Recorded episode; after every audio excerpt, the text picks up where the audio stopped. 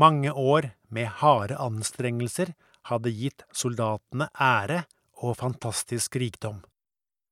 Men eh, når er det på tide å si at nok er nok?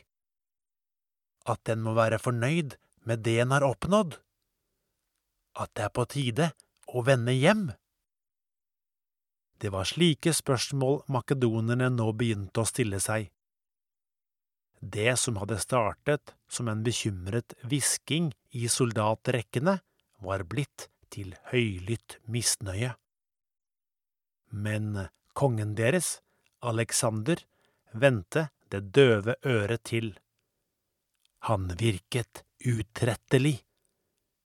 Det var alltid nye rikdommer å finne, nye folkeslag å kue, nye land å erobre.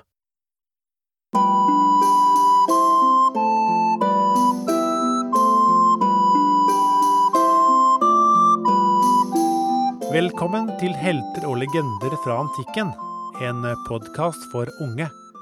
Episode 26 Alexander den store, del tre av tre.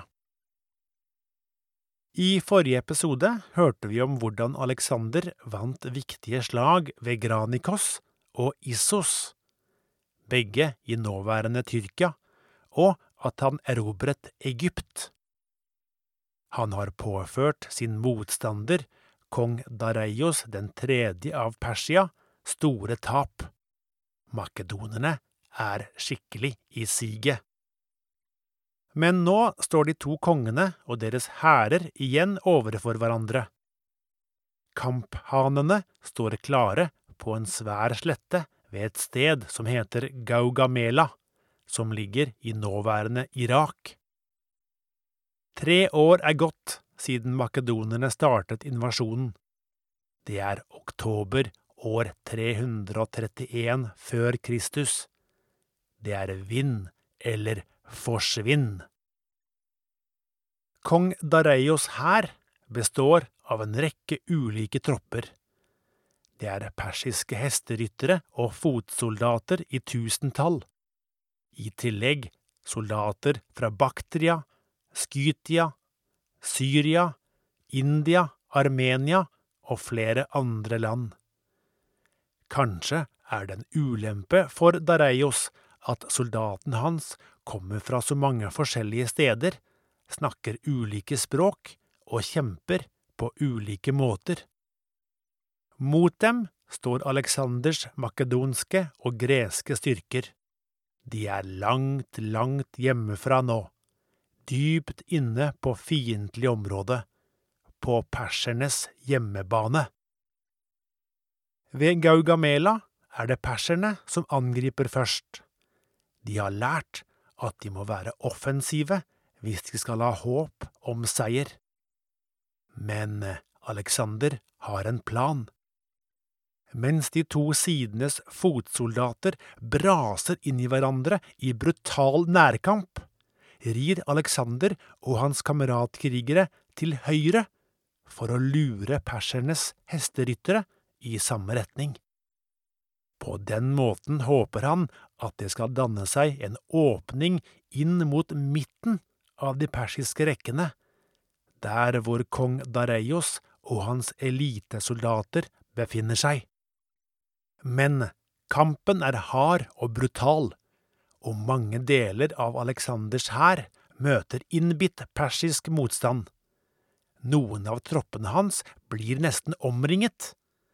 Det er kamprop og skrik. Piler og spyd farer gjennom luften, sverd slår mot sverd, det stikkes og hogges.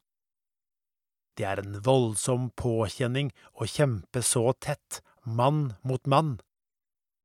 Dette er ikke moderne krigføring hvor kuler og bomber avfyres på avstand. I antikken er du tett på og ser din fiende i øynene når du slåss for livet. Antallet døde stiger for hvert minutt. Særlig er det persiske soldater som faller. De makedonske falanksene går disiplinert fremad med de lange, sylskarpe spydene, og de stikker seg brutalt gjennom de persiske rekkene. Kong Dareios elitesoldater begynner å falle. Det er makedonerne som har overtaket. Perserkongen blir urolig når han ser at avstanden til fienden begynner å bli faretruende kort. Han forstår at seieren som han hadde satset alt på, er i ferd med å glippe. Og hva gjør han i farens stund? Går han foran som et godt eksempel og motiverer sine tropper? Tvert imot. Han gjør akkurat som ved Issos. Den persiske kongen rømmer slagmarken. Når perserne innser at kongen deres har forduftet, svikter kampviljen hos mange. Noen tropper kjemper riktignok innbitt videre mot makedonere, men etter hvert er det klart for alle hvem som har overtaket. Dette ansporer Alexander til å gå på med fornyet styrke. Han oppildner sine soldater til en siste innsats og forsøker selv å fange den flyktende perserkongen.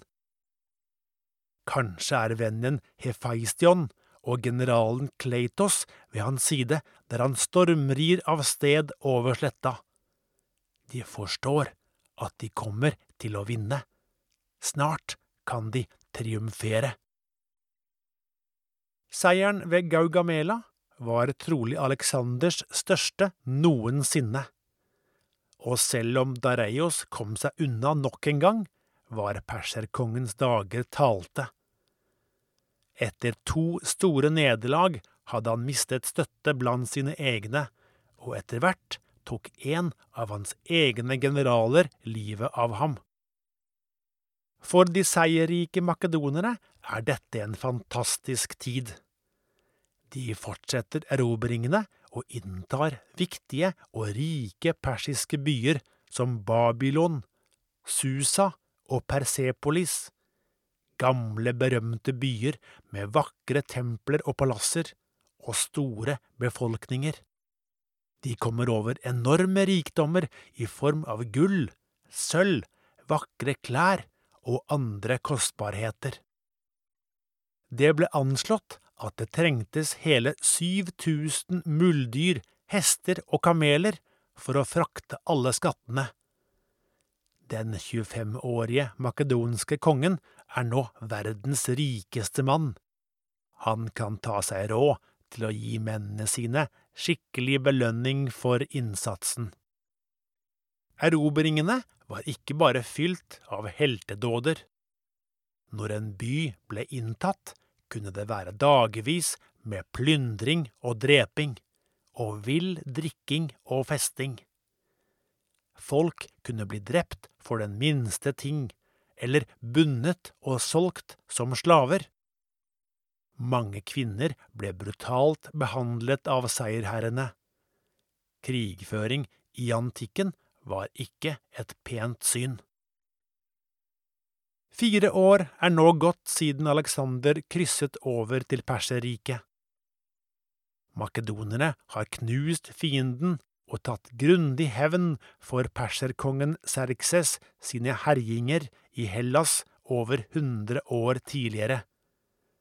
Kanskje det er på tide å dra hjem? Men Alexander er ikke fornøyd med det han har oppnådd. Langt derifra. De kommende årene står han i spissen for nye erobringer, stadig lenger øst. Det er kamper i fjellene, i dype daler, på sletter og i jungler. De møter og overvinner hærer av mange ulike slag, til og med tropper med krigselefanter.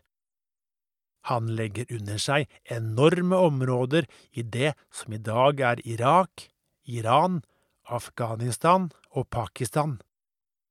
Han drømmer om et verdensrike som strekker seg helt til India, som makedonerne trodde grenset til verdens ende. I løpet av det årelange felttoget østover gifter han seg med en vakker kvinne ved navn Roxanne. datter av en konge i et fjernt fjellområde. Til tross for at alt ser ut til å gå Aleksanders vei, dukker det opp alvorlige problemer. Selv om han uten tvil er en usedvanlig dyktig militær leder, så begynner alle seirene og all makten å gå ham til hodet. Han hylles og smiskes med av alle, og færre og færre tør å si ham imot. Vi husker at Aleksanders store helt var Akilles. Det kunne nesten se ut som Alexander trodde han var i ferd med å bli en ny Akilles, og i Egypt hadde han blitt erklært gudenes sønn. Begynner han å tro at han er en slags gud, overlegen alle andre mennesker? Atferden hans tyder på at han er i ferd med å bli stormannsgal og da er veien til maktmisbruk kort. Mange år med strabasiøse forflytninger og nådeløse nærkamper begynner å slite ut mennene hans. Riktignok har de opplevd fantastiske øyeblikk og triumfer, men når skal de få reise hjem for å kunne gjenforenes med sine kjære? Det virker som om Alexander ville fortsette erobringene i det uendelige, at han aldri blir fornøyd. Kongen har også begynt å legge seg til utenlandske vaner og skikker, han bruker til og med persiske klær. Dette var umakedonsk og slett ikke bra, mente flere av soldatene hans. Alexander tok også inn utenlandske soldater i hæren sin, noe som ikke var populært blant makedonerne hjemmefra. Og han var altfor glad i vin. Noen ganger ble han rett og slett sørpefull. Ved en anledning mister Alexander fullstendig kontrollen over seg selv under en fyllekrangel med Kleitos, kameratkrigeren som reddet livet hans i det første slaget ved elva Granikos. I vilt raseri griper kongen et spyd og dreper sin venn, som attpåtil er ubevæpnet. Aleksanders menn blir dypt sjokkert over slikt maktmisbruk, og kongen selv angrer dypt etterpå. Men skaden er skjedd og mange makedonere begynner å lure på hva som går av lederen deres. Alle disse negative tingene fører til misnøye. Særlig ille var det at felttoget aldri så ut til å ende. Til slutt fører frustrasjonen nesten til åpent opprør. Men Alexander klarer etter mye om og men å overtale mennene til å fortsette men flere makedonere blir nådeløst henrettet for å ha satt seg opp mot kongen. Etter flere år med erobringer i øst, på grensen til India, setter Alexander kursen tilbake mot de persiske kongebyene. Store deler av hæren hans må slite seg gjennom en ubarmhjertig ørken, og mange omkommer underveis. Størsteparten av hæren når likevel fram, og mennene kan feire at de er tilbake i mer fruktbare områder. Ni år er nå gått siden invasjonen startet. De har ingen fiender av betydning å frykte, og de drar i gang en skikkelig fest. Etter flere dager med hard drikking blir Aleksanders kjære venn Hefaistion alvorlig syk. Like etterpå dør han. Hefaistions død er et alvorlig slag for kongen. De to hadde kjent hverandre siden ungdomstida, og vennen hadde alltid vært en viktig støtte.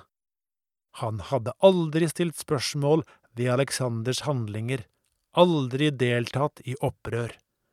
En tvers igjennom lojal mann. Alexander erklærer at alle skal sørge. Musikk blir forbudt, og han klipper av seg alt håret. Hefaistian får en storslagen begravelse. Året etter er Alexander i Babylon og travelt opptatt med planleggingen av nok en erobring. Denne gangen vil han legge under seg Arabia. Men skjebnen har andre planer for den nå 32 år gamle kongen. Under en heidundrende fest tømmer Alexander et svært beger med vin. Plutselig kollapser han og faller sammen på bakken. Etter kort tid får han voldsom feber. Han legges i et eget telt og får behandling, men det er lite legene kan gjøre. Etter tolv dager dør han. Året er 323 før Kristus. Alexander har vært på sammenhengende felttog i ti år. Det er vanskelig å si eksakt hva han døde av. Det kan ha vært den voldsomme mengden vin, men feberen kan også ha vært forårsaket av sykdom eller en infeksjon etter en krigsskade. Noen tror han ble forgiftet. Mennene hans er tynget av sorg. Samtidig er det sikkert mange som tenker at de endelig kan reise hjem til familiene sine. Andre øyner muligheter for makt nå som kongen er borte. Et stort problem er at Alexander ikke har utpekt noen etterfølger. Da han på dødsleiet ble spurt om hvem som skulle overta, var alt han sa den beste. Men intet navn ble nevnt, så hvem skal nå styre det enorme riket? Denne uklarheten, koblet med ambisjonene til flere av hans generaler, fører til brutal maktkamp. Å rydde rivaler av veien blir viktig, og flere familiemedlemmer av Alexander blir brutalt drept. Selv barn. Hjemme i Makedonia blir moren hans, Olympias, også drept. Det viser seg snart umulig å videreføre et så stort rike under én leder. Det blir strid i mange områder, også i Hellas. Makedonia ender til sist opp som en ganske liten stat. Når knivingen, som varer i hele 40 år, er over, er Aleksanders rike blitt delt i tre, men eh, store deler har allerede blitt tatt tilbake av de folkeslagene som hadde kontroll før Alexander startet sin erobring. Et av områdene som får mest makedonsk-gresk påvirkning, og hvor en av hans generaler etter hvert danner et kongedømme, er Egypt. Byen Alexandria blir den viktigste byen, og den blir særlig kjent for sitt rikholdige bibliotek, som i mange år tiltrekker seg kloke mennesker fra mange land. Også i dag har byen et flott bibliotek, men det er av nyere dato.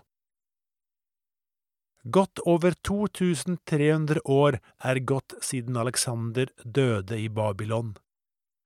Allerede kort tid etter sin død fikk han tilnavnet Den store. Opp gjennom historien har mange, både hærførere, statsledere og vanlige folk, hatt Alexander som sin store helt. Så hvorfor regnes han som en av antikkens største konger? Og var han egentlig en helt? Det som vekker størst beundring hos ham, er nok at han greide å legge under seg kolossalt store landområder. Han må ha vært en ekstremt god leder, med talent for planlegging og gjennomføring av krig og store slag. Mennene hans må ha forgudet ham og hatt enorm tillit til ham. Samtidig var han en person som likte å lese historier, dikt og legender, og han kunne spille musikk. Kanskje spilte han av og til en vakker melodi på harpe når han satt rundt leirbålet med sine soldater under en stjernekledd himmel. Likevel, det er liten tvil om at ære, berømmelse og rikdom var viktige grunner til at Alexander ledet sine menn i krig, måned etter måned, år etter år. Som for kong Philip var også Aleksanders liv fylt av krig og konflikt, og han var ikke en som likte å dele på makten. Konfliktene han kom opp i, ble stort sett løst med bruk av rå vold. Som vi har hørt, fikk også hans egne menn merke dette. Men det var fiendens soldater og vanlige folk som sto i makedonernes vei, som var mest skadelidende. Tallet på alle de menneskene som døde som resultat av krigføringen hans, må ha vært enormt høyt, trolig mange hundre tusen. Når vi husker Alexander den store, er det lett å bare tenke på de imponerende erobringene, men vi må ikke glemme at det var mange som led. Det er også vanskelig å vite hva som var Aleksanders langsiktige plan. Hvis han kunne ha fortsatt erobringene i år etter år, hva skulle sluttresultatet være? Ville han danne et nytt kongedømme med seg selv på toppen? Men hvordan skulle han greie å styre et så enormt område? Hadde han kanskje en idé om at alle folkeslag til slutt skulle leve fredelig side om side? Hadde han kanskje ikke en langsiktig plan i det hele tatt, han bare likte å krige? Ingen vet sikkert, hadde vi hatt en tidsmaskin, kunne vi reist tilbake og spurt ham, men alt vi kan gjøre, er å gjette. Med dette avslutter vi beretningen om Alexander den store. I neste episode er det tilbake til mytenes verden. Vi tar for oss legenden om kong Midas, som fikk erfare at ikke all rikdom er en velsignelse. Ha det godt!